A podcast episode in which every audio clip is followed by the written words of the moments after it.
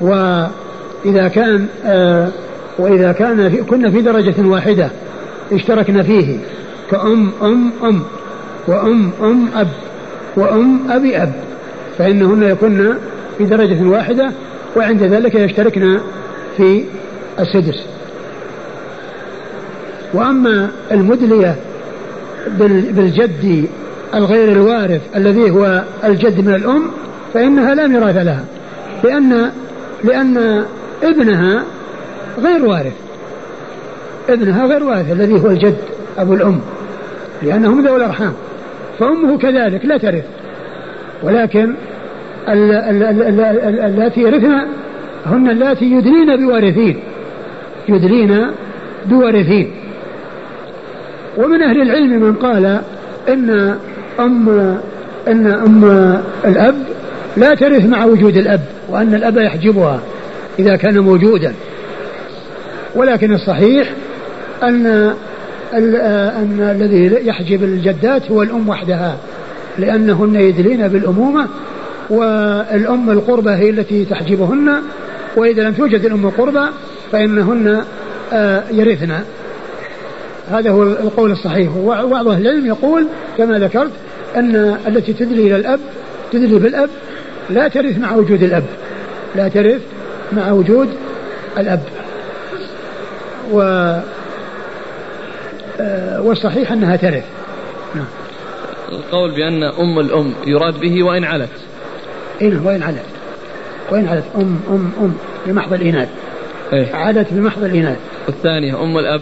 والثانية أم الأب كذلك. أم أم أم أب. يعني بمحض الإناث وفي النهاية أب. وفي النهاية أب.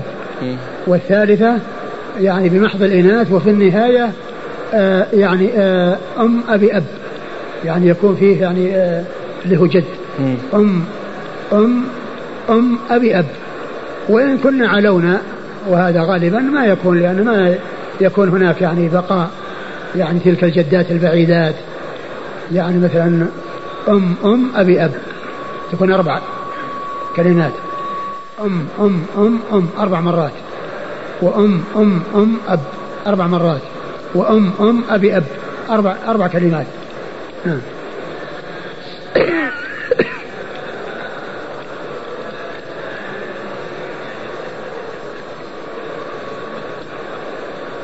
آه يمكن يعني كون ال ال ال الجدة يعني تكون جدة جدة. المرأة تكون جدة جدة بأن تكون بنت يعني بنتها أو بنت ابنها صارت جدة فتكون جدة جدة. يعني آه، أقول يمكن يعني بس هذا يعني من أندر النوادر لأن هذا قليل في الناس. قليل في الناس أن تكون المرأة جدة جدة أو الرجل جد جد. يمكن يكون جد أب. جد لمن هو أب فيكون ابن ابنه أبا. ولكن كون ابن ابنه يكون جدا فيكون هو جد الجد هذا يعني نادر. أخونا يقول هل حديث بريدة ضعيف؟ لا الحديث الحديث الألباني ضعفه. ولكن الحافظ بن حجر في بلوغ المرام قال صححه ابن خزيمة وابن الجارود وقواه بن عدي. وأيضا في إسناده هذا الرجل الذي هو صدوق يخطئ يعني معناه أنها يعني أنه محتمل. وأيضا الحديث الذي مر يعني يدل يعني عليه. ولكن صحح بعض أهل العلم منهم ابن خزيمة ومنهم ابن الجارود وقال الحافظ بن حجر وقواه بن عدي.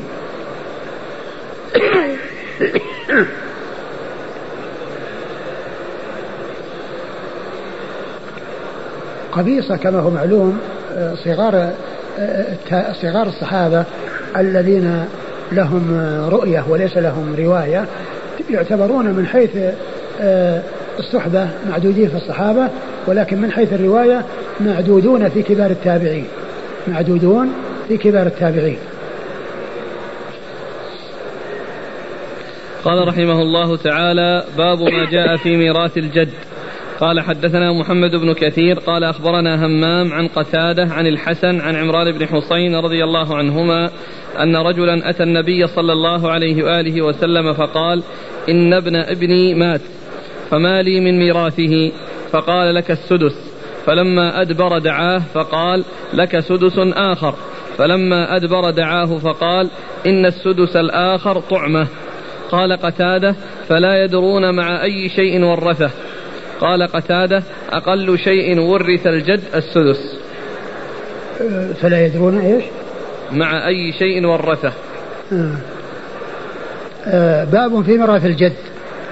المراد بالجد هو أبو الأب وإن علا بمحض الذكور. وأما الجد من جهة الأم فإنه ليس من الورثة وإنما هو من ذوي الأرحام فلا ميراث له. وإنما الذي يرث هو الذي يدري بالأب. والذي يأتي من جهة الأب. وهذا هو الوارث.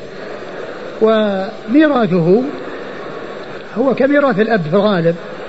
يعني إذا كان الأب موجودا ليس له شيء وإن كان غير موجود فإنه يرث في الغالب ميراث ابنه.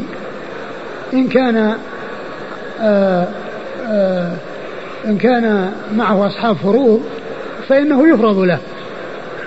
وإن كان معه أصحاب تعصيب يعني اللي هم الأبناء وأبناء الأبناء فإنه يفرض له أيضا يفرض له.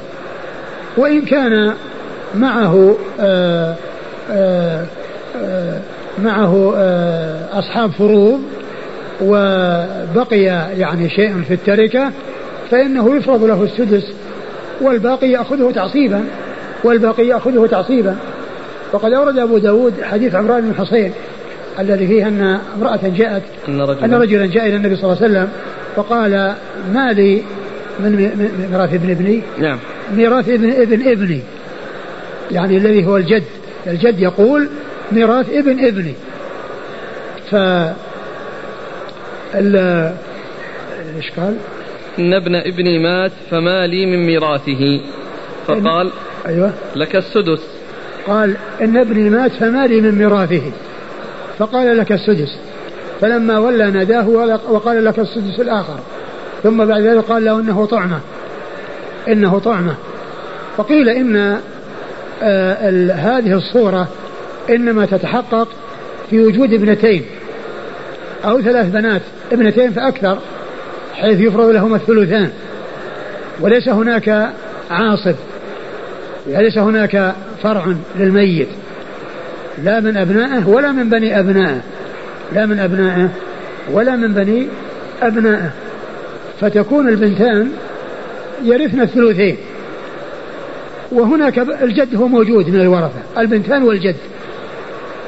فالجد يكون له السدس فرضا. والباقي يأخذه تعصيبا. السدس الباقي يأخذه تعصيبا. ولا يعطى الثلث على أنه فرض ولا على أنه تعصيب وإنما هو يجمع بين الفرض والتعصيب. هو يجمع بين الفرض والتعصيب يعني يفرض له السدس ويأخذ ما بقي يعني آه، على أنه تعصيب. له كذا فرضا والباقي تعصيبا. فهذه الصورة التي فيها ابنتين فيها ابنتان وجد آه، الثلثان للبنتين يبقى الثلث. الجد يفرض له السدس فرضا والباقي يأخذه تعصيبا. والتعصيب قد يعني قد قد يذهب وقد يعني آه، يتلاشى لكن السدس هو الذي مستقر لأنه لو وجد معه لو وجد معهم غيره من أصحاب الفروض فرض لهم فرض لهم. فهو قد يحتاج إلى أن يفرض له تعول المسألة وتعول المسألة بالفرض. وأما التعصيب فهو يأخذ ما أبقت الفروض يأخذ ما أبقت الفروض. وإذا كان ليس هناك يعني معصب أولى منه فإنه يفرض له.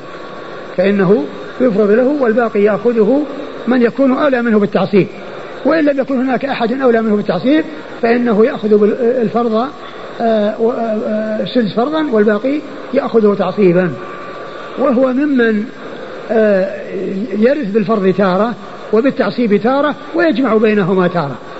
لأن من الورثة أو من أصحاب التعصيب يعني من يرث بالفرض فقط ويرث بالتعصيب فقط ويرث ويجمع بينهما قد يكون ميراثه تعصيبا فقط وقد يكون ميراثه فرضا فقط وقد يكون ميراثه فرضا وتعصيبا مثل هذه الصورة التي معنا.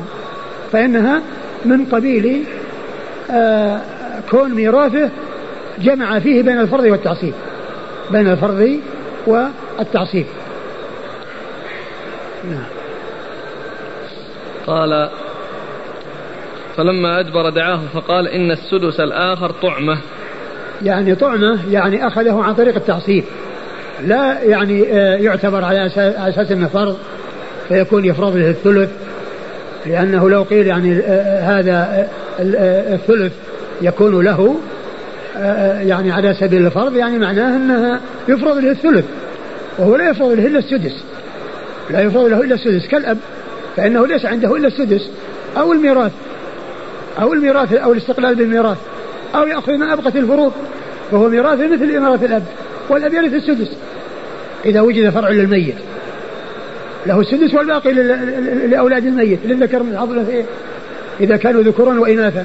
وإن كانوا إناثا فقط فهو مثل مثل حالة الأب مثل حالة الجد التي جاءت في الحديث.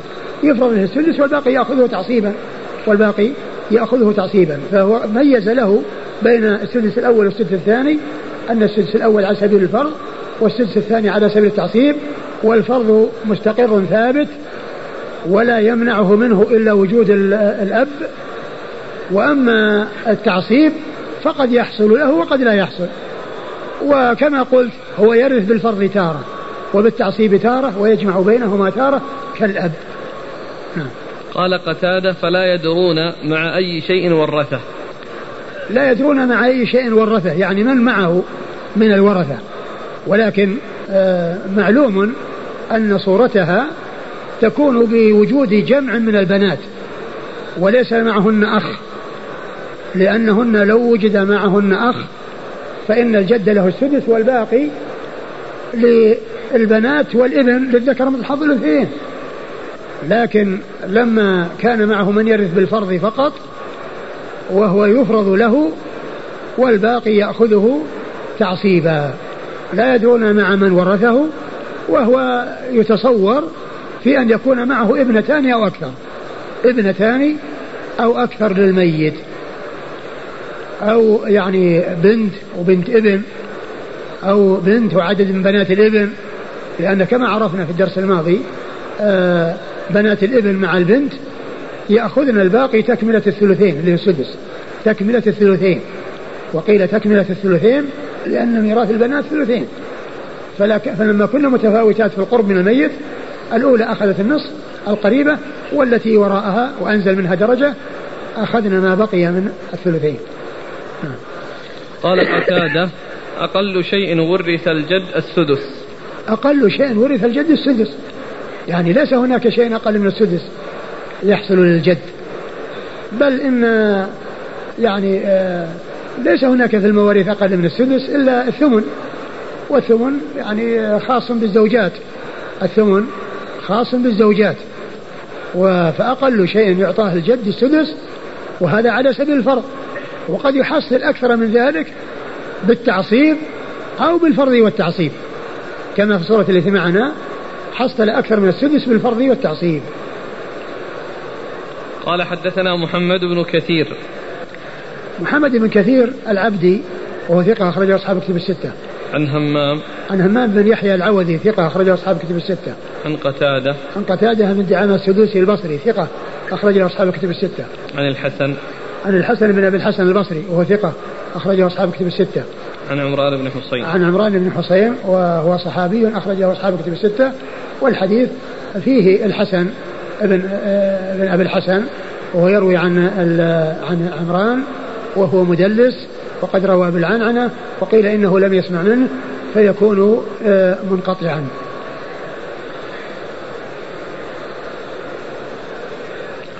ولكن جاء عن عدد من الصحابة منهم أبو بكر وغيره أنهم اعتبروه أبا. اعتبروه أبا. ومعنى ذلك أنه يرث ميراث الأب ويقوم مقام الأب عند فقد الأب.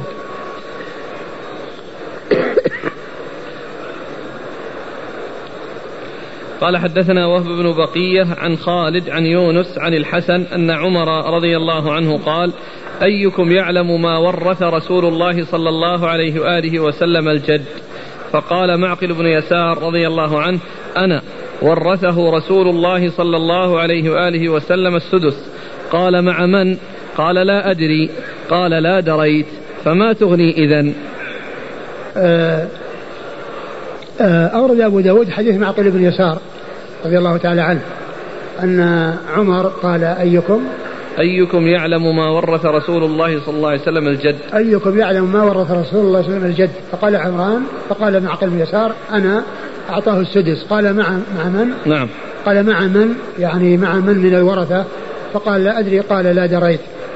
يعني آه إيش فما يغني؟ فما تغني إذا فما تغني إذا فما تغني إذا يعني آه كونه يعني ما عرف.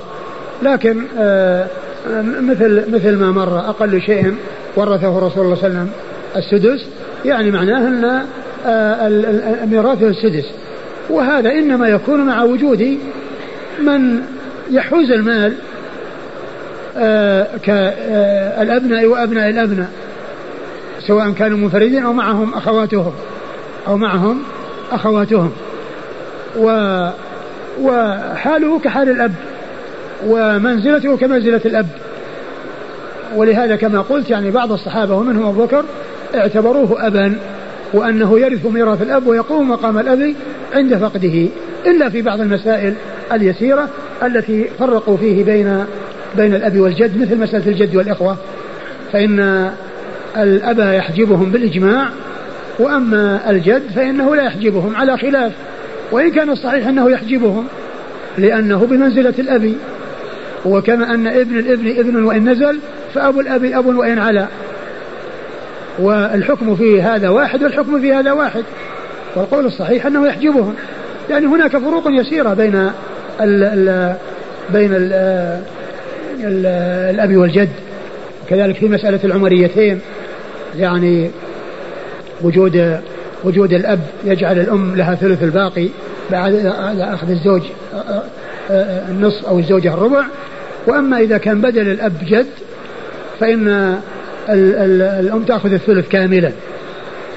وليست يعني كحال وجود الأب معها في هذه هاتين المسألتين. يعني هناك مسائل يختلف فيها الأب عن الجد ولكنه يرث ميراثه إلا في مسائل نادرة ويسيرة. نعم. في هذه الأخيرة الجد يرث كم؟ العمريتين إذا كان جد وأم وزوجة آه يرث الباقي. يعني تعصيبا فقط. اي في التعصيب فقط. لأن هذا الأخ يقول نريد مثالا لميراث الجد تعصيب فقط. تعصيب ميراثه كأنه يعني الميت ما ترك إلا جدا. ما ترك إلا جدا. وهذه المسألة. هذه أقول هذه المسألة هذه يعني يرث بالتعصيب لا التي هذه العمريتين إذا قلنا جد بدل الأب ما يرث بالتعصيب فقط؟ آه آه إلا يرث بالتعصيب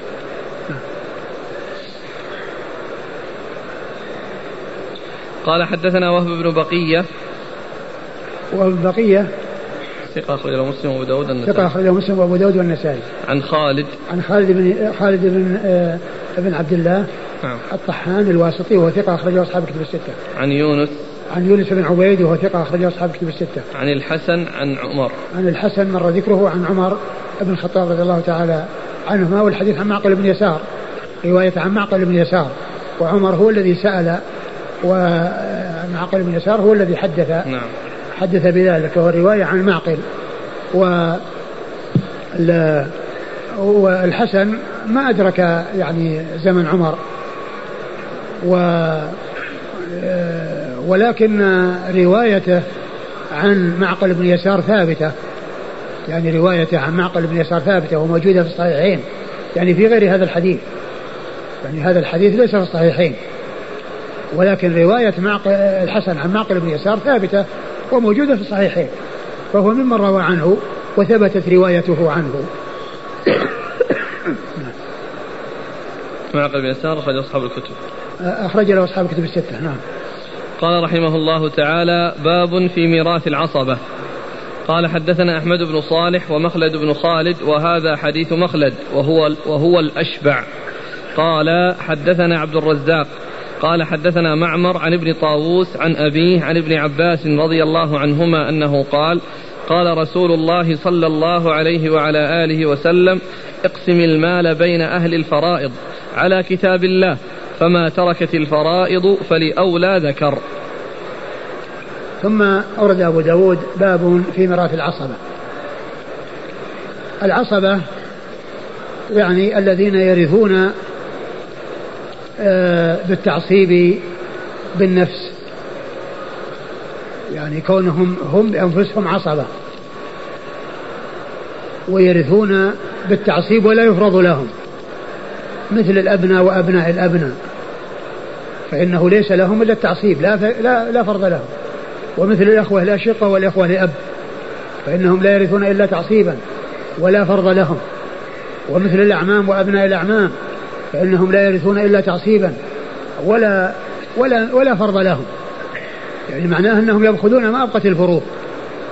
إن كان هناك أصحاب فروض أخذوا ما أبقت الفروض وإن لم يكن هناك أصحاب الفروض أصحاب فروض استقلوا بالمال. وإن لم يكن هناك أصحاب فروض استقلوا بالمال. ولا يفرض لهم. هؤلاء هم العصبة بالنفس والعصبة ينقسمون إلى ثلاثة أقسام عصبة بالنفس وعصبة بالغير وعصبة مع الغير. فالعصبة بالنفس هم الذين آآ آه، آآ آه، يرثون عصوبة بأنفسهم. ليسوا تبعا لغيرهم ولا مع غيرهم. ليسوا تبعا لغيرهم ولا مع غيرهم وإنما هو استقلالا بأنفسهم. كهؤلاء الذي آه، ذكرنا اللي هم الذكور الذكور والأصول من من من من من ورثة الميت. أصوله الذكور وفروعه الذكور لأن الأب من العصبة والجد من العصبة إلا أن إلا أنه يفرض لهم يفرض لهم إذا وجد يعني أبناء. وإذا لم يكن هناك أبناء استقلوا بالمال وإن كان هناك أصحاب فروض أخذوا ما أبقت الفروض. فهم عصبة بالنفس. عصبة بالنفس. الأب والجد والابن وابن الابن والأخ الشقيق والأخ لأب وابن الأخ الشقيق وابن الأخ لأب والعم الشقيق والعم لأب والعم الشقيق والعم لأب. كل هؤلاء يعتبرون عصبة بالنفس. يعني أنهم يدلون بأنفسهم ويرثون عصوبة بأنفسهم لا تبعا لغيرهم ولا مع غيرهم. وعصبة بالغير وهن البنات مع البنين وبنات الإبن مع أبناء الإبن والأخوات الشقيقات مع الأخوة الأشقة والأخوات لأب مع الإخوة لأب فإنهن يرثن معهم عصوبة للذكر في الحظ الأنثيين وإن كن مستقلات لا ذكور معهن آه الواحدة تأخذ النصف وأكثر من واحدة يأخذن الثلثين. ولكن حيث وجد إخوانهن معهن صرن من أصحاب التعصيب ولكنه يقال له تعصيب بالغير ليس بأنفسهن وإنما بغيرهن. وأما العصبة مع النفس فإنها تكون في ميراث الأخوات مع البنات. يعني حيث تكون الأخوات البنات ليس هناك معهن آه ذكور يعني عصبة بالنفس سواء من من من فوق أو من تحت يعني من جهة الأب أو من جهة آه يعني الابن وابن الابن والجد يعني كما عرفنا على خلاف في مسألة الجد والإخوة وأما الأب يعني فهو باتفاق. فإن فإنهن إذا وجد بنات فقط وأخوات شقيقات أو لأب فإنهن يرثن ما بقي بعد أخذ البنات نصيبهن. إن كانت البنت واحدة فتأخذ الأخت أو الأخوات الشقيقات أو الأخوات لأب الباقي تعصيبا. وإن كنا ثنتين فأكثر أخذنا الثلثين والباقي تأخذه الأخت أو الأخوات تعصيبا. وهذا يقال له تعصيب مع الغير الأخوات مع البنات. وهذا خاص في الأخوات مع البنات. فإن الذين يرثون بالتعصيب آه، ينقسمون إلى ثلاثة أقسام. يعني عصبة بالنفس وعصبة بالغير وعصبة مع الغير. أورد أبو داود حديث ابن عباس رضي الله تعالى عنهما. قال أقسم الفرائض على كتاب الله. الفرائض أي المقدرة. كالنصف والسدس والثمن والربع والثلثين والثلث. لأن الفروض المقدرة هي آه، آه، الثلثان على شيء ثم النصف ثم الثلث ثم الربع ثم السدس ثم الثمن. هذه الفروض المقدرة في كتاب الله. يعني هي هذه. ويقولون عنها الثلثان والنصف ونصفهما ونصف نصفهما. الثلثان والنصف ونصفهما ونصف نصفهما. لأن يعني آه، اختصارا يعني معناه أن الربع ونصف الربع الثمن والثلثان الثلث ونصف الثلث السدس. أو بالعكس يقال السدس والثمن وضعفهما وضعف ضعفهما السدس والثمن وضعفهما وضعف ضعفهما هذه الفروض المقدرة في كتاب الله. هذه الفروض المقدرة في كتاب الله هي هذه الستة التي هي الثلثان والنصف ونصفهما ونصف نصفهما. نصفهما ونصف نصفهما الثلثان نصفهما الثلث ونصف نصفهما السدس والنصف نصفه الربع ونصف نصفه الثمن. فهذه الفروض اقسم الفرائض على كتاب الله. يعني على ما جاء في كتاب الله. ممن يستحق الفرض يعطى إياه وما بقي فلأولى ذكر. وما بقي فلأولى ذكر. وهذه العصوبة. يعني كونهم يرثون بالتعصيب. يرثون بالتعصيب يعني يأخذون ما أبقت الفروض.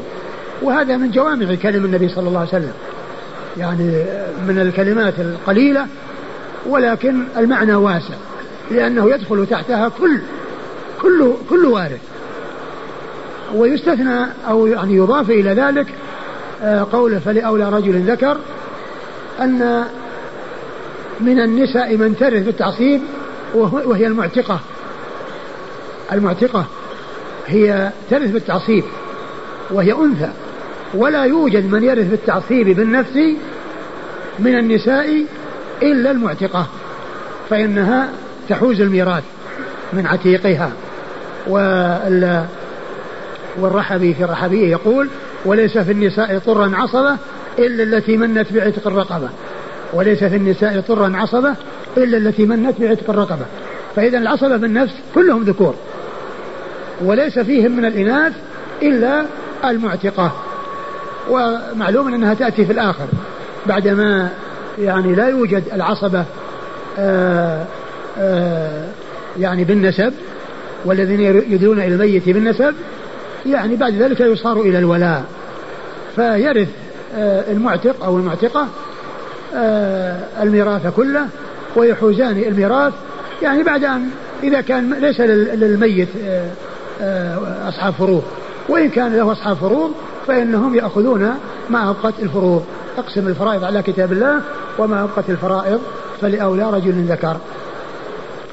والحافظ ابن رجب رحمه الله لما جمع أو أضاف إلى الأربعين النووية أحاديث كمل بها الخمسين جعل هذا الحديث من الزيادات التي زادها على الأربعين لكونه من ال ال من الجوامع.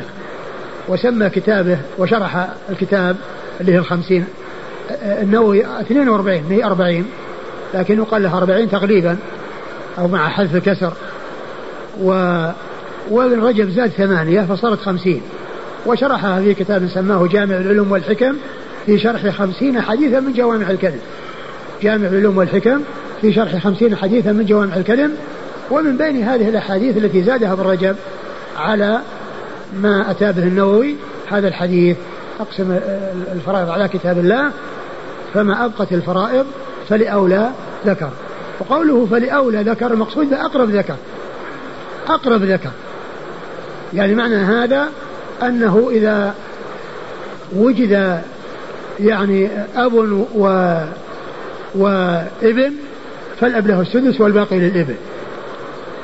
الأب يأخذ فرضه والباقي لأولى رجل ذكر وأقرب رجل ذكر للميت هو ابنه هو ابنه. فإن لم يوجد الابن ولكن وجد ابن الابن فإنه يأخذ الباقي وهو أولى رجل ذكر. وإن كان لا يوجد في آه، في نسله من الذكور يعني وإن نزلوا بعد ذلك ينتقل آه، آه، إلى إلى جهة الأب والجد. إلى جهة الأب والجد فإنه يكون الأولى به الأب وإذا لم يوجد الأب فإنه يكون الجد يكون أولى به. وإذا لم يوجد الذكور لا من الأصول ولا من الفروع الذين يكونون أولى من غيرهم في عصوبة الميت وفي آه، آه، أخذ آه، ما خلفه ينتقل بعد ذلك إلى الإخوان إلى الإخوة. وهم الذين يدلون إلى الميت بأبيه يشاركونه في أبيه. فهم أقرب يعني بعد الأصول والفروع أقرب الناس إلى الميت من يشاركه في أبيه. وهم الإخوة الأشقة إذا كانوا أشقة من أب وأم يعني يكونون أولى من غيرهم. وإذا لم يوجد أشقة ووجد إخوة لأب فإن الأمر ينتقل إليهم ينتقل إليهم. وإذا لم يوجد لا من الإخوة الأشقة ولا من الإخوة الأب نظر لأبنائهم. فأبناء الإخوة الأشقة وإن نزلوا يعني هم المقدمون على على أبناء الإخوة الأب. وإذا لم يوجد أبناء الأخوة الأشقة انتقل إلى الأخوة أبناء الأخوة الأب. وإذا لم يوجد لهؤلاء نسل ولا لهؤلاء ما وجد إخوة لأب ولا أشقة ولا فرع لهم بعد ذلك ينتقل إلى من شاركوا الميت في جده. الذي هم الأعمام أو التقوا مع الميت في جده لأن الأخوة يعني يشاركونه في أبيه والأعمام يشاركونه في جده. فتأتي الطبقة الأولى التي هي آه، الإخوة لشقة ولأب. فإذا لم توجد الطبقة لا هم ولا أبنائهم عند ذلك ينتقل إلى الطبقة الأعلى التي يدلون إلى الميت بجده لأنهم إخوان آه، إخوان جده. يعني آه، أولاد جده أولاد جده اللي هم الأعمام. يعني فيدلون إلى الميت بجده فإذا كانوا أشقاء يعني آه، عم شقيق يعني فإنه يستقل به ثم ينتقل العم لأب. وإذا لم يوجد عمومة لا أشقة ولا لأب فإنه يصار إلى أبناء العمومة الأشقة ثم أبناء العمومة لأب. ألحقوا الفرائض بأهلها فما أبقت الفرائض فلأولى. أولى معناه أقرب. والقرب يكون بالفروع ثم بالأصول ثم بالحواشي أو أقرب الحواشي اللي هم الأخوة الأشقة ثم الأخوة لأب ثم أبناء الأخوة الأشقة ثم أبناء الأخوة لأب. وإذا لم يوجد لهؤلاء ولا هؤلاء انتقل إلى الأعمام الأشقة ثم الأعمام لأب. وإذا لم يوجد لا هؤلاء ولا هؤلاء صير إلى أبناء الأعمام الأشقة ثم أبناء الأعمام لأب. نعم. جاء في الرواية غير هذه اللي عندنا رجل ذكر يعني الوصفين. نعم.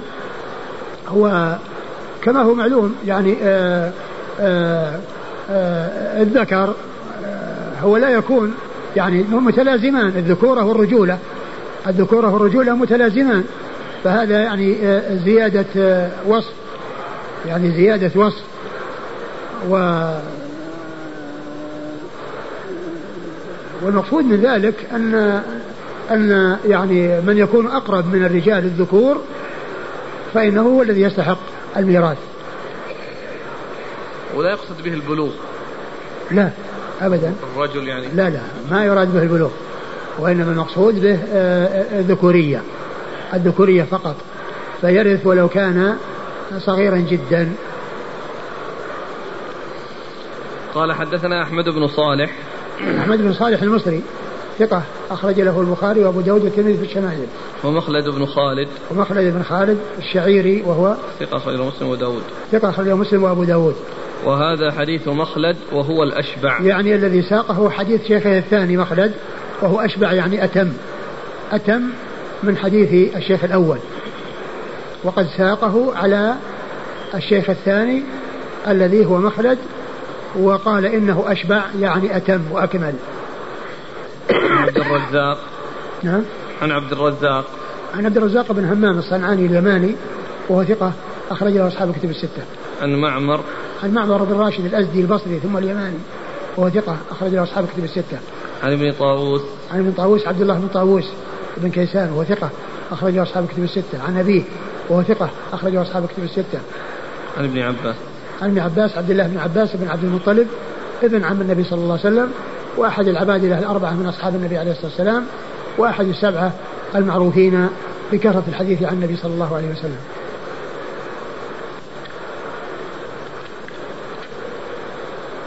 استمر نعم. باب في ميراث ذوي الأرحام قال حدثنا حفص بن عمر قال حدثنا شعبة عن بديل عن علي بن أبي طلحة عن راشد بن سعد عن أبي عامر الهوزني عبد الله بن لحي عن المقدام رضي الله عنه أنه قال قال رسول الله صلى الله عليه وآله وسلم من ترك كلا فإلي وربما قال إلى الله وإلى رسوله ومن ترك مالا فلورثته وأنا وارث من لا وارث له أعقل له وأرثه والخال وارث من لا وارث له يعقل عنه ويرثه. ثم ورد أبو داود باب في ميراث ذوي الأرحام. ذوي الأرحام عند الفرضيين هم الذين لا يرثون لا بفرض ولا بتعصيب. ليس لهم ميراث لا مقدر ولا غير مقدر. الذين يرثون بالفرض نصيبهم مقدر والذين يرثون بالتعصيب نصيبهم غير مقدر. فذوي الأرحام هم الذين لا يرثون لا فرضا ولا تعصيبا. لا فرضا ولا تعصيبا هؤلاء يقال ذوي الأرحام. وهذا باصطلاح الفرضيين. وأما يعني في الشرع وفي اللغة فإن المقصود بذوي الأرحام هم الأقارب عموما. ذوي الأرحام التي آه، توصل ويصل الناس أرحامهم المقصود به الأقارب. كلهم يقال لهم ذوي الأرحام. وقول الله عز وجل وأولي الأرحام بعضهم أولى ببعض في كتاب الله المقصود به عموم الأقارب وليس المقصود به الأرحام ذوي الأرحام باصطلاح الفرضيين. فالفرضيين فالفرضيون يطلقون هذا على من لا من من ليس بوارث لا بالفرض ولا بالتعصيب. يعني مثل الجدة مثل الجد آه، آه، أبو الأم ومثل الجدة أم آه، أبو الأم هذا ومثل بنت البنت و ومثل الخال والعمة وهكذا. يعني كل من ليس له فرض ولا تعصيب هؤلاء يقال لهم ذوي الأرحام. والعلماء اختلفوا في توريثهم. فمنهم من قال بتوريثهم وأنهم يعني يرثون. وقد قال بذلك عدد كبير من أصحاب رسول الله صلى الله عليه وسلم. يعني ورثوهم. ومن العلماء من قال بعدم توريثهم. وأنهم لا يرثون. وإذا بقي أو وجد آه، آه، آه، مال يعني ليس له وارث لا بالفرض والتعصيب فإنه يكون لبيت المال ويكون في بيت المال. نعم نتوقف لكن نذكر الشيء الذي بدأنا به أو نكمل ما بدأنا به بما يتعلق بذوي الأرحام وتوريثهم وأن أكثر الصحابة على القول بتوريثهم. وممن قال بتوريثهم من الأئمة أحمد وأبو حنيفة وأحمد والذين قالوا بعدم توريثهم مالك والشافعي. ولهذا آه صاحب الرحبية لما كان على مذهب الشافعي ما أورد في قصيدته أو في أرجوزته ميراث ذوي الأرحام ولا ولا الرد لأن الشافعية لا يقولون بذلك وهو إنما ذكرها على مذهب الشافعية. يعني وكما هو معلوم كثير المسائل متفقة يعني بين الأئمة الأربعة. ولكن مسألة الرد وذوي الأرحام لا يقول بها الشافعية ولهذا خلت الرحبية من أبيات تبين ميراث الرد الرد وذوي الأرحام. وكان شيخنا الشيخ عبد الله بن صالح الخليفي رحمة الله عليه قد نظم أبياتا في الرد وذوي الأرحام تضاف إلى الرحبية وقد أضيفت إليها في بعض الطبعات الأبيات التي من الشيخ عبد الله بن صالح الخليفي رحمه الله في توريث الرد وذوي الأرحام لأن الرحبية مشهورة عند الناس وسارت يعني في الآفاق واشتهرت وكثير من طلبة العلم يحفظونها ويقرؤونها ويبتدون بها. ولكنها كما ذكرت خالية من هذين البابين والشيخ عبد الله الخليفة رحمة الله عليه نظم أبياتا في الرد وذوي الأرحام وأضيفت إليها في إحدى الطبعات. والله تعالى أعلم وصلى الله وسلم وبارك على عبده ورسوله نبينا محمد وعلى آله وأصحابه أجمعين. جزاكم الله خيرا وبارك الله فيكم ونفعنا الله بما قلت.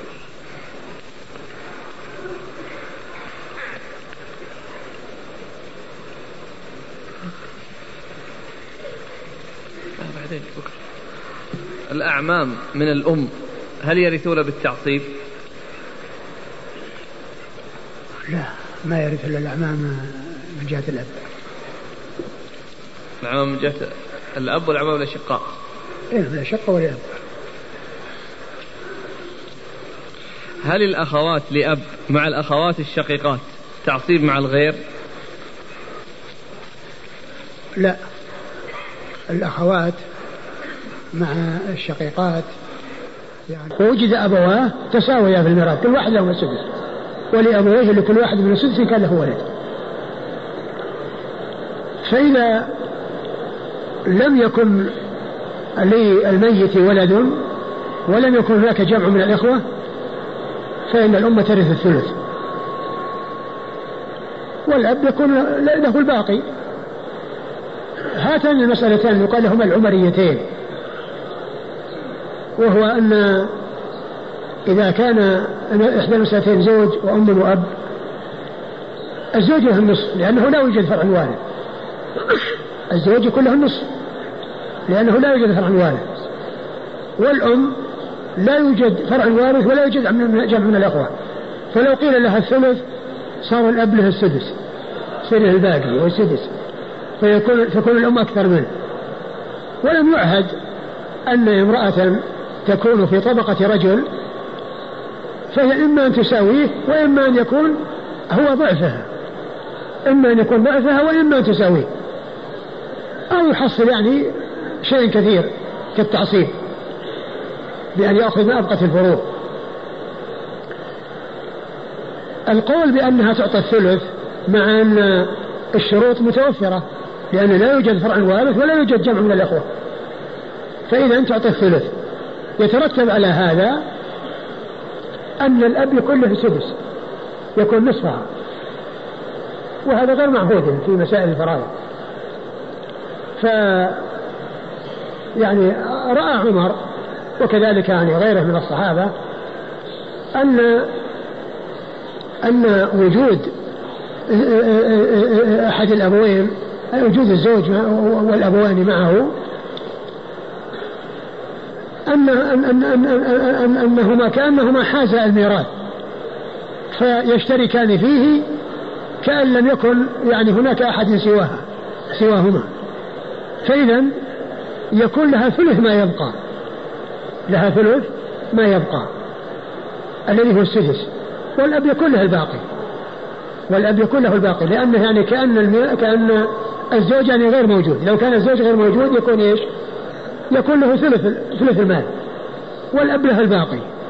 فإذا وجد الزوج يأخذ نصيبه ويبقى نصيب الأبوين فتأخذ الأم ثلث الباقي وكأنه أصل المال والأب يأخذ الباقي.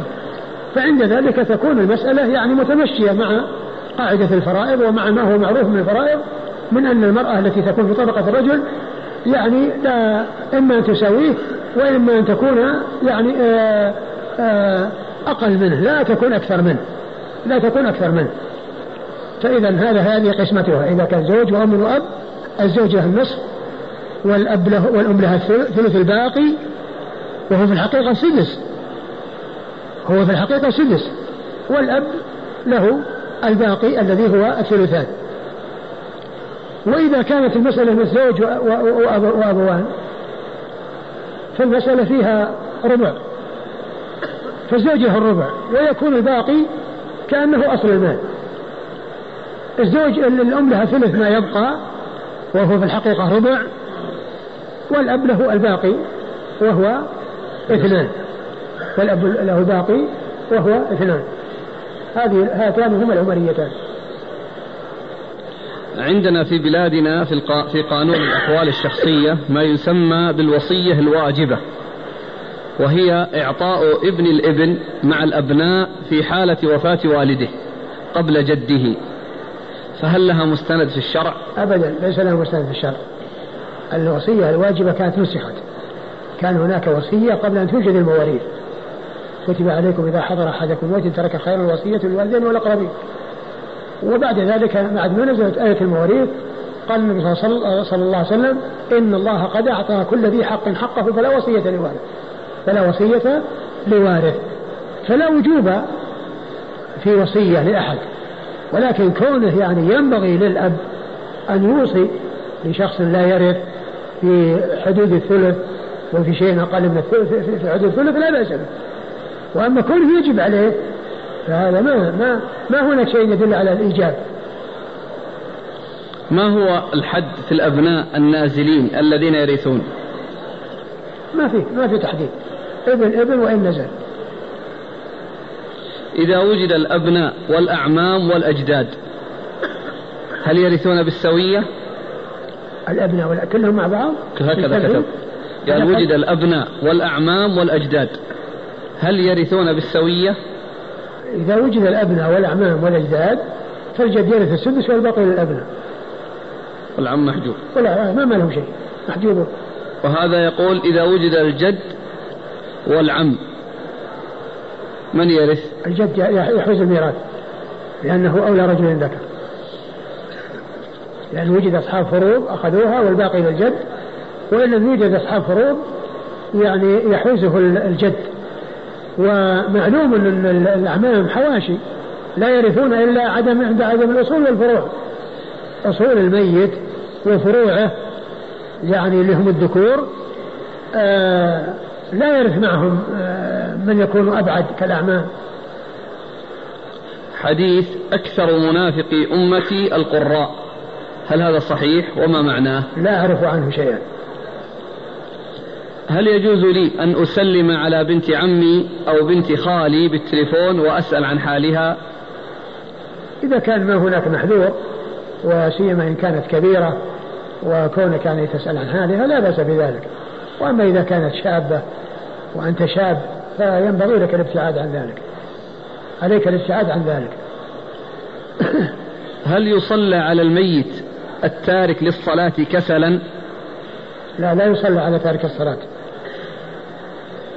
وهل كفره يخرجه من الملة؟ نعم كفره يخرج من الملة. يقول إذا لم يبلغ الصحابي سنة وعمل بخلافها عن اجتهاد هل يجوز أن أن يقال أنه وقع في بدعة؟ أبدا. لا يقال ذلك لأن هذا هو الواجب. هذا هو الواجب. إذا لم يوجد نص يعني يجتهد. وإذا لم يوجد نص وإذا وجد النص لا اجتهاد مع النص. لا اجتهاد مع النص. لكن حيث لم يوجد الاجتهاد لا بد منه. والوقاء وهذا شيء معروف عن الصحابة ومن بعدهم. والنبي صلى الله عليه وسلم يقول إذا اجتهد الحاكم فأصاب فله أجران وإن اجتهد فأخطأ فله أجر واحد. لكن إذا وجد النص ما في اجتهاد ما في اتباع النص. لكن حيث لا نص ما في إلا الاجتهاد. وليش ولهذا الذي آه، آه، الذي يجتهد هو مأجور. إن أصاب وإن أخطأ. إن أصاب فله أجر على اجتهاده وأجر على إصابته له أجران. وإن اجتهد فأخطأ فله أجر واحد على اجتهاده. وخطأه مغفور وهذا هو هذا هو السبيل وهذا هو الطريق. هو الاجتهاد لكن حيث لا نص. أما إذا وجد النص لا اجتهاد مع النص. والله تعالى أعلم وصلى الله وسلم وبارك على عبده ورسوله نبينا محمد وعلى آله وأصحابه أجمعين. بسم الله الرحمن الرحيم. الحمد لله رب العالمين. والصلاة والسلام على عبد الله ورسوله نبينا محمد وعلى آله وصحبه أجمعين. أما بعد قال الإمام أبو داود السجستاني رحمه الله تعالى باب في ميراث ذوي الأرحام. قال حدثنا حفص بن عمر قال حدثنا شعبة عن بديل عن علي بن أبي طلحة عن راشد بن سعد عن أبي عامر الهوزني عبد الله بن لحي عن المقدام رضي الله عنه أنه قال قال رسول الله صلى الله عليه وعلى آله وسلم من ترك كلا فإلي وربما قال إلى الله وإلى رسوله ومن ترك مالا فلورثته وأنا وارث من لا وارث له أعقل له وأرثه والخال وارث من لا وارث له يعقل عنه ويرثه. بسم الله الرحمن الرحيم. الحمد لله رب العالمين وصلى الله وسلم وبارك على عبده ورسوله نبينا محمد وعلى آله وأصحابه أجمعين. أما بعد فيقول الإمام أبو داود السجستاني رحمه الله تعالى باب في ميراث ذوي الأرحام. ذوي الأرحام هم الذين لا يرثون بفرض ولا تعصيب. يعني ليس لهم فروض مقدرة في كتاب الله وليسوا من العصبة الذين يأخذون ما أبقت الفروض أو يستقلون بالمال إذا لم يكن هناك أصحاب فروض.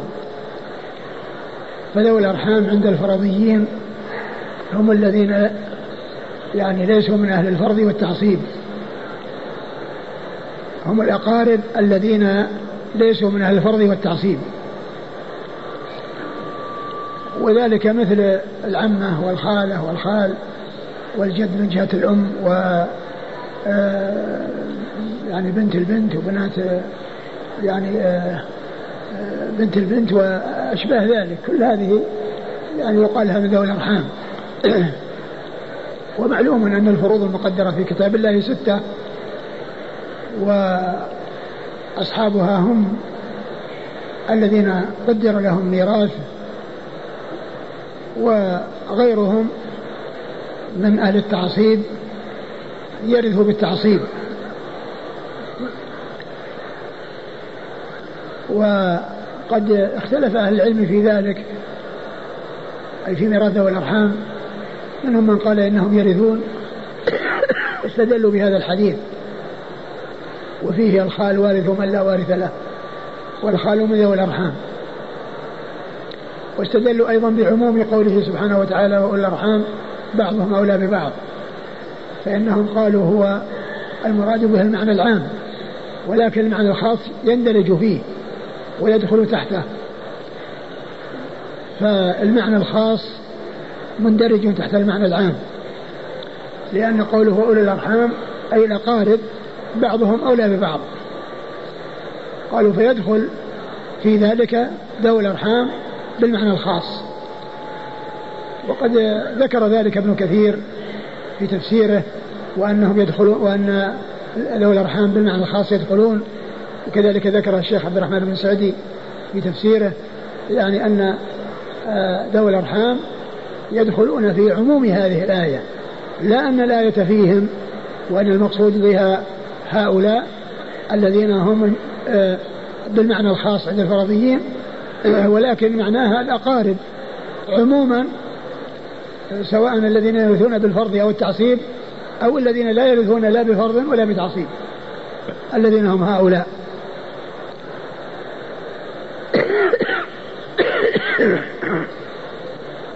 وبعض أهل العلم ذهب إلى أنهم لا يورثون وأن المال الذي ليس له وارث لا بالفرض ولا بالتعصيب يكون في بيت المال وينتهي إلى بيت المال. ومما يستدلون به قول الرسول صلى الله عليه وسلم إن الله قد أعطى لكل ذي حق حقه فلا وصية لوارث. إن الله قد أعطى كل ذي حق حقه فلا وصية لوارث. والقول بأنهم يرثون هو الأولى لدخولهم في عموم الآية ولما جاء في ذلك من الأحاديث كحديث الباب ولأن الأقارب للميت أولى من عموم المسلمين الذين ينتهي المال إلى بيت المال ثم يكون لعموم المسلمين. فإن أقارب الميت أحق وأولى من سائر الناس. أحق وأولى من سائر الناس. ثم أورد أبو داود رحمه الله حديث المقدام. حديث المقدام بن معدي كريم رضي الله عنه أن النبي صلى الله عليه وسلم قال من ترك كلا فإلي. والكل هنا المراد به الثقل وأي الشيء الذي فيه عناء ومشقة ويدخل في ذلك الدين ويدخل في ذلك الأولاد. وقد جاء ذلك مبينا في الحديث الذي في الرواية التي بعد هذا الدين والضيعة. والضيعة المقصود بهم الأولاد الذين يحتاجون يحتاجون إلى نفقة. وأنهم إذا تركوا ضاعوا. فقال من ترك كلا وجاء مفسرا في الرواية التي بعدها يعني من ترك دينا أو ضياعا.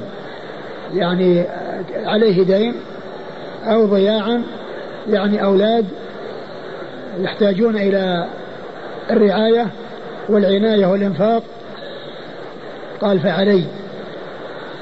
من ترك كلا فعلي.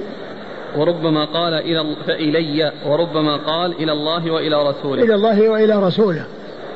يعني أن آه، القيام بشؤونهم إنما يكون آه، إلى الرسول صلى الله عليه وسلم ويكون ذلك من بيت المال ويكون ذلك من بيت مال المسلمين. يعني ينفق عليهم ويقضي الدين عن المدين. نعم. ومن ترك مالا فلورثته. ومن ترك مالا فلورثته. يعني ورثته هم الذين يؤول إليهم هذا المال ويحوزون هذا المال. نعم. وأنا وارث من لا وارث له. وأنا وارث من لا وارث له. إذا كان ماله ورثة فإذا آه، بيت المال هو الذي يرثه وهو الذي يؤول إليه أمره وينتهي إليه. والمقصود من ذلك من أموال المسلمين. يعني أنه وارث له لا أن الرسول صلى الله عليه وسلم هو يرثه ويكون ماله له وإنما يكون لبيت من المسلمين وينفقه في مصالح المسلمين. وينفقه في المسلمين. فقوله وأنا وارث من لا وارث له يعني معناه أن أنه يكون في بيت من المسلمين ينفق في مصالح المسلمين. نعم.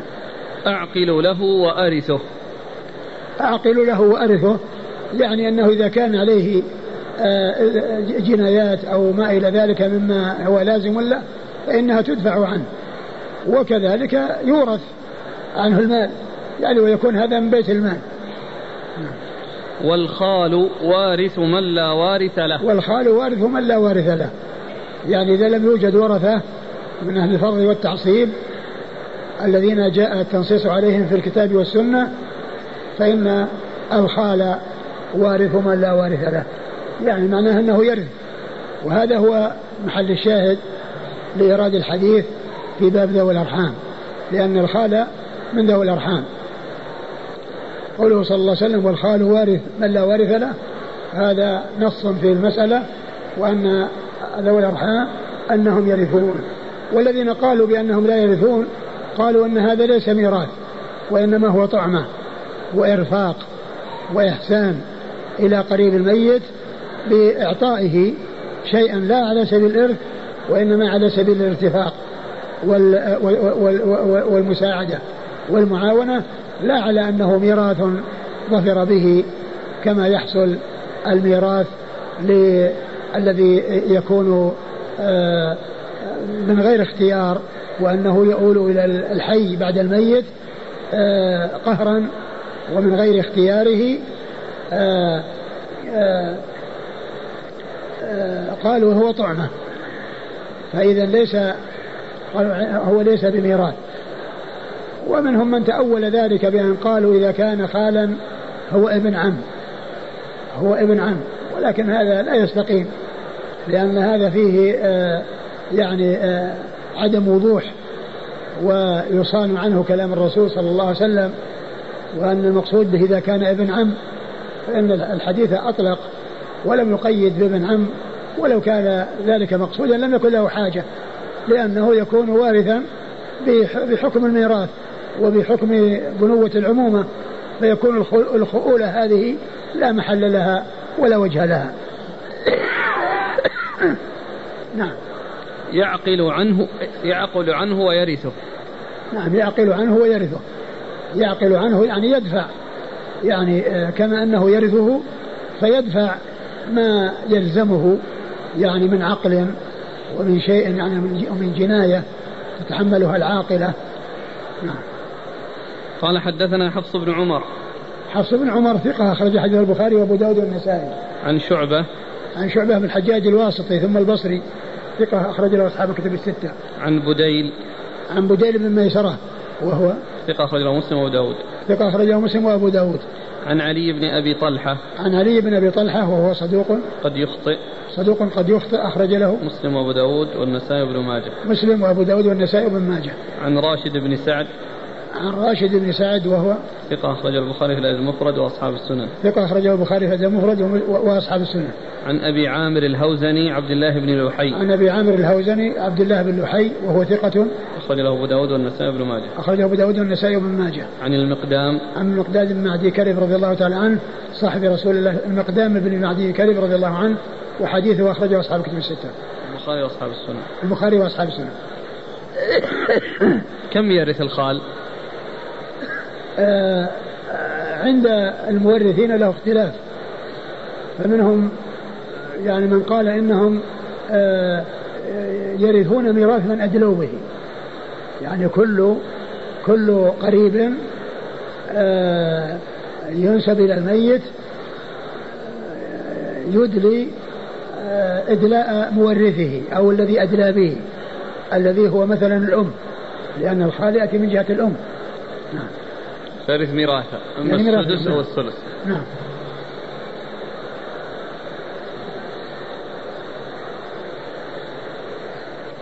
وكما قلت في الدرس الماضي أشرت إلى أن الشافعية والمالكية لا يقولون بالرد ولا بذوي الأرحام. والحنابلة والحنفية يقولون بالرد فيهما. بالرد وبذوي الأرحام. وذكرت أن ناظم الرحبية وهو من الشافعية لم يذكر بابا في الرد ولا بابا في ذوي الأرحام لأنه اقتصر على مذهب الشافعي. وأن شيخنا عبد الله بن صالح الخليفي رحمة الله عليه قد نظم أبياتا في الرد وفي ذوي الأرحام. وقد طبعت مع الرحبية وألحقت بها تتميما للفائدة. والشيخ يعني رحمة الله عليه أذكر ما قال في مسألة ميراث ذوي الأرحام قال نزلهم منزلة من أدلوا به إرثا وحجما هكذا قالوا به. بديل بن ميسر أخطأت قلت أنا أخرجه مسلم وأبو داود. مسلم وأصحاب السنن. مسلم وأصحاب السنن؟ نعم. بديل بن ميسر أخرجه مسلم وأصحاب السنن.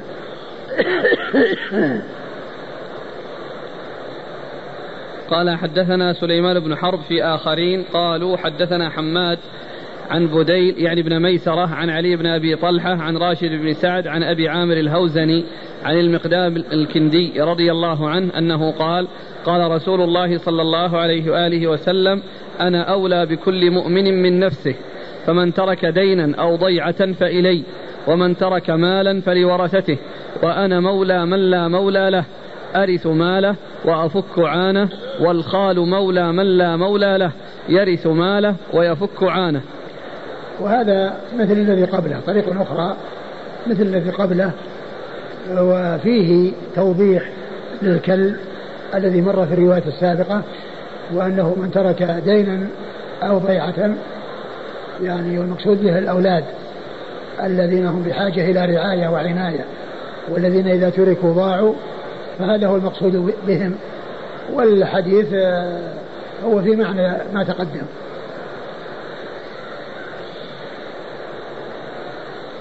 قال حدثنا سليمان بن حرب.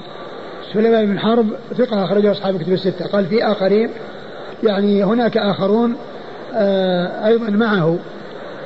يعني آه يروي عنهم أبو داود ولكنه اكتفى بسليمان. عن حماد بن زيد. وهو ثقة. أخرجه أصحاب كتب الستة. عن بديل عن علي بن أبي طلحة عن راشد بن سعد عن أبي عامر عن المقدام. والباقون مروا في الإسناد السابق. نعم. يقول الشيخ آه نزلهم منزلة من أدلوا به. أي ذوي الأرحام. نزلهم منزلة من أدلوا به إرثا وحجبا هكذا قالوا به.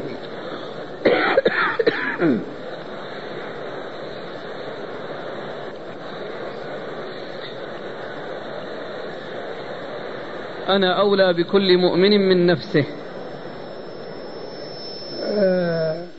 وضح بعد ذلك قال إيش؟ فمن ترك دينا أو ضيعة فإلي هذا هو يعني معناه أن أنه من ترك دينا أو ضيعة فإلي يعني أقوم بذلك. أقوم بذلك فأسدد الدين وأرعى آآ آآ الأولاد الذين تركهم. ومن ترك مالا فلورثته وأنا مولى من لا مولى له. ومن ترك مالا فهو لورثته وأنا مولى من لا مولى له فسره بعد ذلك بقوله أرث ماله وأفك عانه. أرث ماله وأفك عانه. فك العانة مثل العقد الذي مر في الحديث السابق. نعم. والخال مولى من لا مولى له يرث ماله ويفك عانه. هو أنا مثل مثل مثله. قال أبو داود رواه الزبيدي عن راشد بن سعد عن ابن عائذ عن المقدام. آه الزبيدي محمد بن الوليد الزبيدي الحمصي ثقة أخرجه أصحاب الكتب الستة إلا الترمذي. نعم. إلا الترمذي. عن راشد بن سعد عن ابن عائذ. ابن عائذ هو عبد الرحمن بن عائذ وهو ثقة أخرجه أصحاب السنة. أخرجه أصحاب السنة. عن المقدام. نعم. ورواه معاوية بن صالح عن راشد قال سمعت المقدام. ومعاوية معاوية بن صالح هو بن حدير وهو صدوق له أوهام. صدوق له أوهام أخرج حديث البخاري جزء القراءة نعم ومسلم, ومسلم وأصحاب السنة. عن راشد عن المقدام. وقد وقد مر ذكرهم قال أبو داود يقول الضيعة معناه عيال. هذا تفسير من أبي داود لكلمة الضيعة وأن المقصود به العيال الأولاد الذين يحتاجون إلى رعاية ونفقة.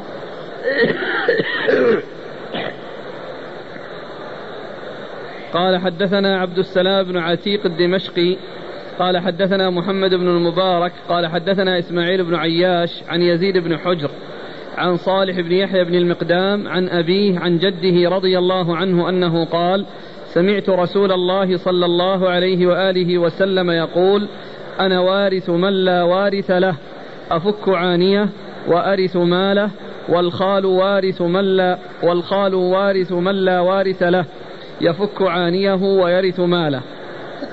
ثم ورد أبو داود حديث المقدام من طريق أخرى وهو مثل الذي قبله إلا أنه أقصر نعم.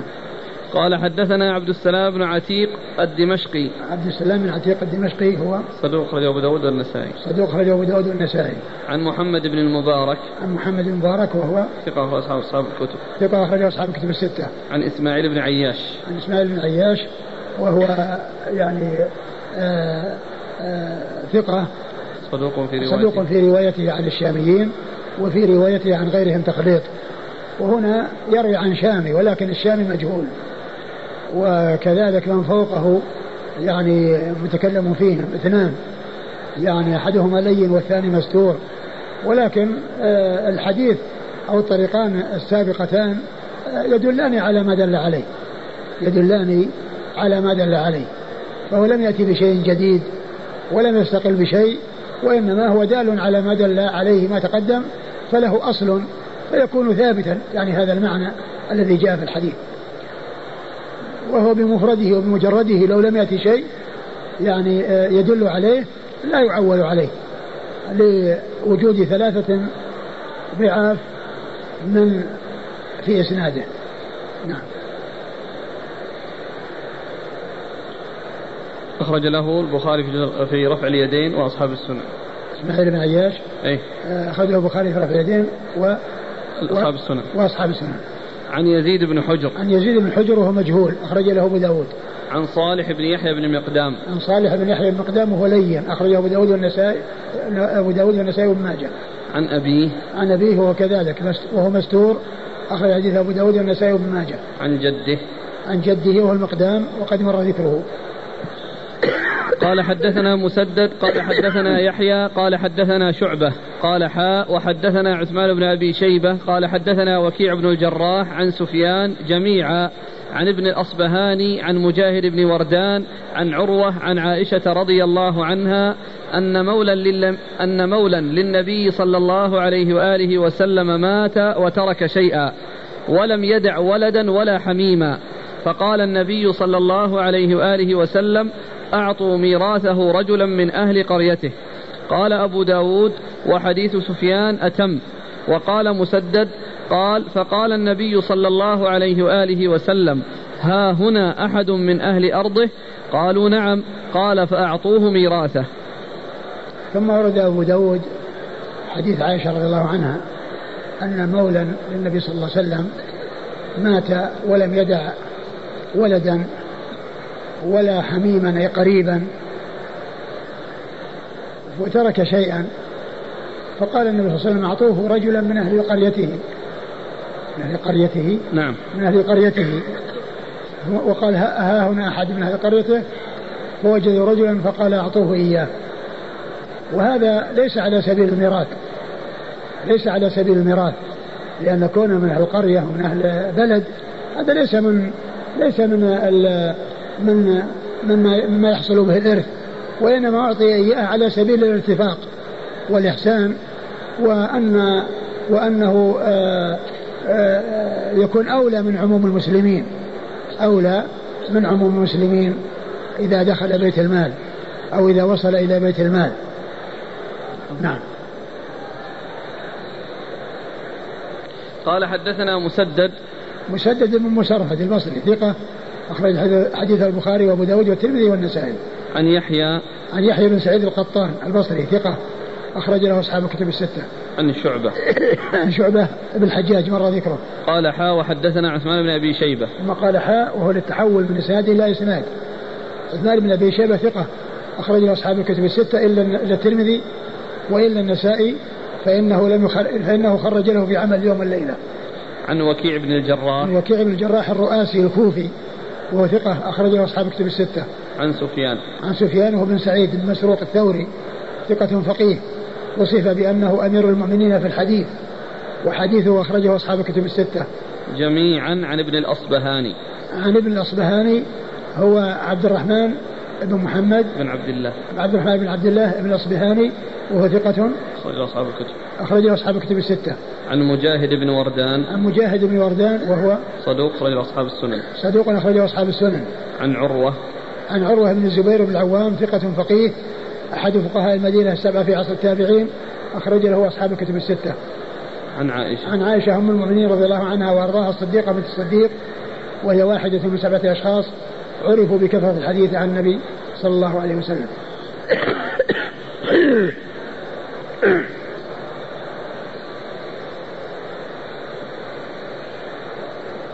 هذا يعني فيه دلالة الآن أو هل فيه دلالة على ميراث ذوي الأرحام؟ لا يعني هو ما ما, ما يعني يبدو أنه جاء تبعا وإلا ليس من ذوي الأرحام. كونه يعني من أهل القرية يعني أقول ما ما يدل.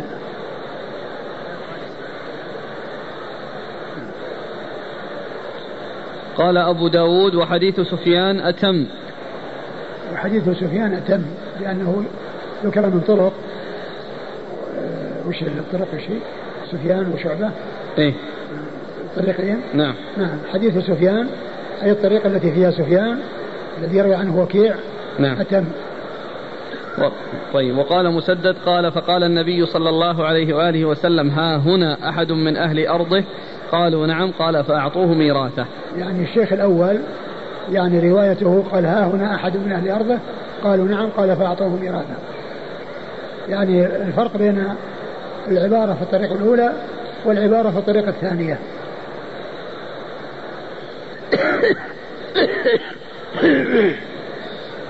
قال حدثنا عبد الله بن سعيد الكندي قال حدثنا المحاربي وهذا, وهذا يرجع إلى الإمام. أقول هذا يرجع إلى الإمام. إذا أراد أن يعطيه أحد خاص ممن له به علاقة أو ممن له به ارتباط وإن لم يكن قريبا فعل وإن أراد أن يجعله في بيت المال ويصرفه في المصارف العامة التي يصرف فيها بيت المال فعل.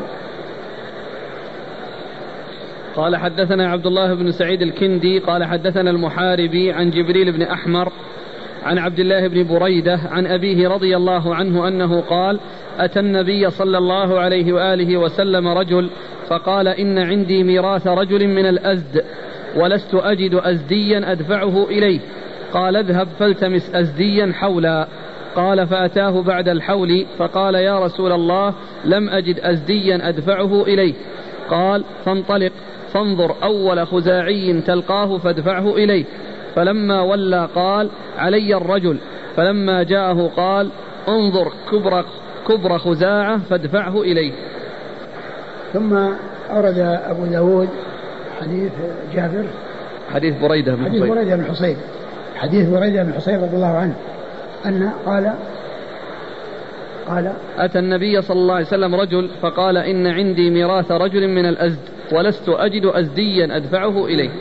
جاء إلى النبي صلى الله عليه وسلم رجل وقال يا رسول الله عندي ميراث رجل من الأزد وليس عندي أزدي ولست أجد أزديا أدفعه إليه ولست أجد أزديا أدفعه إليه قال التمس أزديا حولا. يعني مدة سنة. ابحث حتى تحصل أزدي. ثم فقال إنه لم يحصل. فقال أعطه رجلا. انظر أول خزاعي تلقاه فادفعه إليه. أول خزاعي تلقاه فادفعه إليه. وفي لفظ آخر قال أعطه قال ثم فلما ولى دعاه ثم قال له أعطه الكبرى. انظر كبرى خزاعة فادفعه إليه. كبرى خزاعة يعني أكبر يعني أكبر واحد فيهم تعطيه إياه. أكبر واحد تعطيه إياه. وهذا يعني الحديث غير ثابت. من أجل من أجل جبريل هذا ابن الأحمر. نعم. نعم. نعم. قال حدثنا عبد الله بن سعيد الكندي. عبد الله بن سعيد الكندي الأشج ثقة أخرج له. أصحاب الكتب. أصحاب الكتب الستة. عن المحاربي.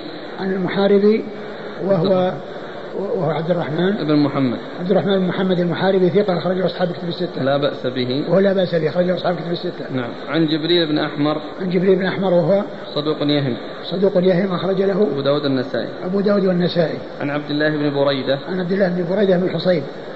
وهو ثقة أخرجه أصحاب الكتب الستة. عن أبيه بريدة بن الحصين صاحب رسول الله صلى الله عليه وسلم وحديثه أخرجه أصحاب الكتب الستة.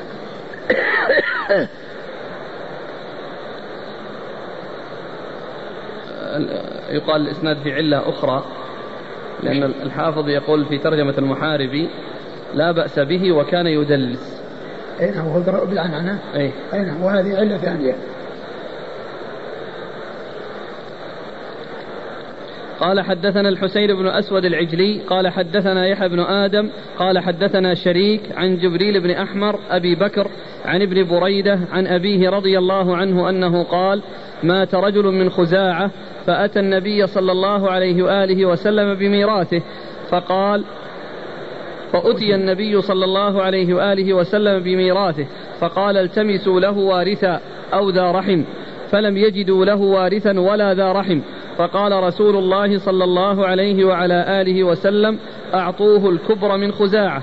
قال يحيى قد سمعته مرة يقول في هذا الحديث انظروا أكبر رجل من خزاعة.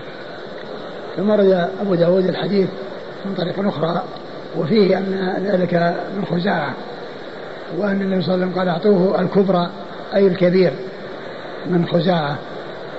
أعطوه الكبير من خزاعة. وفيه أن النبي صلى الله عليه وسلم قال يعني لم يجدوا وارثا ولا هل تجدون وارثا أو ذي رحم؟ التمسوا له وارثا أو ذا رحم. أو التمسوا له وارثا أو ذا رحم. وهذا يعني في نص في ميراث ذوي الأرحام لو كان ثابتا لأنه قال وارثا أو ذا رحم. وارثا أو ذا رحم لكنه غير ثابت. نعم.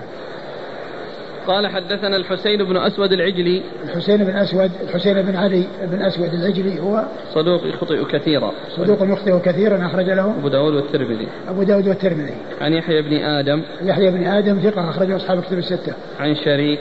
عن شريك بن عبد الله النخعي الكوفي. صدوق آه، آه، اختلط وساء حفظه لما ولي القضاء. حديث أخرجه البخاري تعليقا ومسلم وأصحاب السنن عن جبريل بن أحمر عن ابن بريدة عن أبيه. عن جبريل بن أحمر عن ابن بريدة عن أبيه. وفيه جبريل وفيه شريك أيضا وفيه آه، ابن الأسود. هذا إيش؟ حسين بن علي بن أسود حسين بن علي. الأسود يخطئ كثيرا. نعم. أخونا يقول أن الشيخ الألباني رحمه الله ضعف الحديث الأول اللي سبق في النسخة القديمة وصححه في النسخة الجديدة. أي جديدة؟ ضعيف طبعة المعارف. طبعة جديدة أي. بس يعني فيه العلة موجودة هذه. أقول فيه العلتان العنعنة و... وعلي بن آه، الأحمر. آه جبريل. جبريل؟ إيه جبريل بن في الاسنادين في الاسنادين لكن ذاك يت يعني له متابع وإن كان المتابع ها. ذاك ذاك يروي المحارب يروي عن جبريل وهنا شريك يروي عن جبريل. إيه. إيه بس تبقى المدار على جبريل. إيه على جبريل والعنعنة أيضا موجودة هناك. اي بس ما المتابعة هنا ما تغني؟ يمكن. أقول قد قد يعني أقول قد يعتقد بها لكن جبريل هو موجود في الإسنادين. موجود في الإسنادين. لكن قولهم صدوق يهم. ما فيه يعني ما هو تضعيف يعني شديد. صدوق يهم. إذا أخذنا بقول الحافظ فقط. هذه الرتبة. العلماء تكلموا على الحديث وضعفوه بهذا. لأن كأنه في خلاف في السند. يقول أن المنذري نسبه إلى النسائي مرسلا ومسندا. إيه؟ يعني في خلاف في إيه. الحديث إسنادا ووصلا إيه؟ يعني هذه علة أخرى تصير إيه؟ أي نعم في زيادات لكنه يعني يبدو انه أنه متقارب لأن الأول أزدي والثاني خزاعي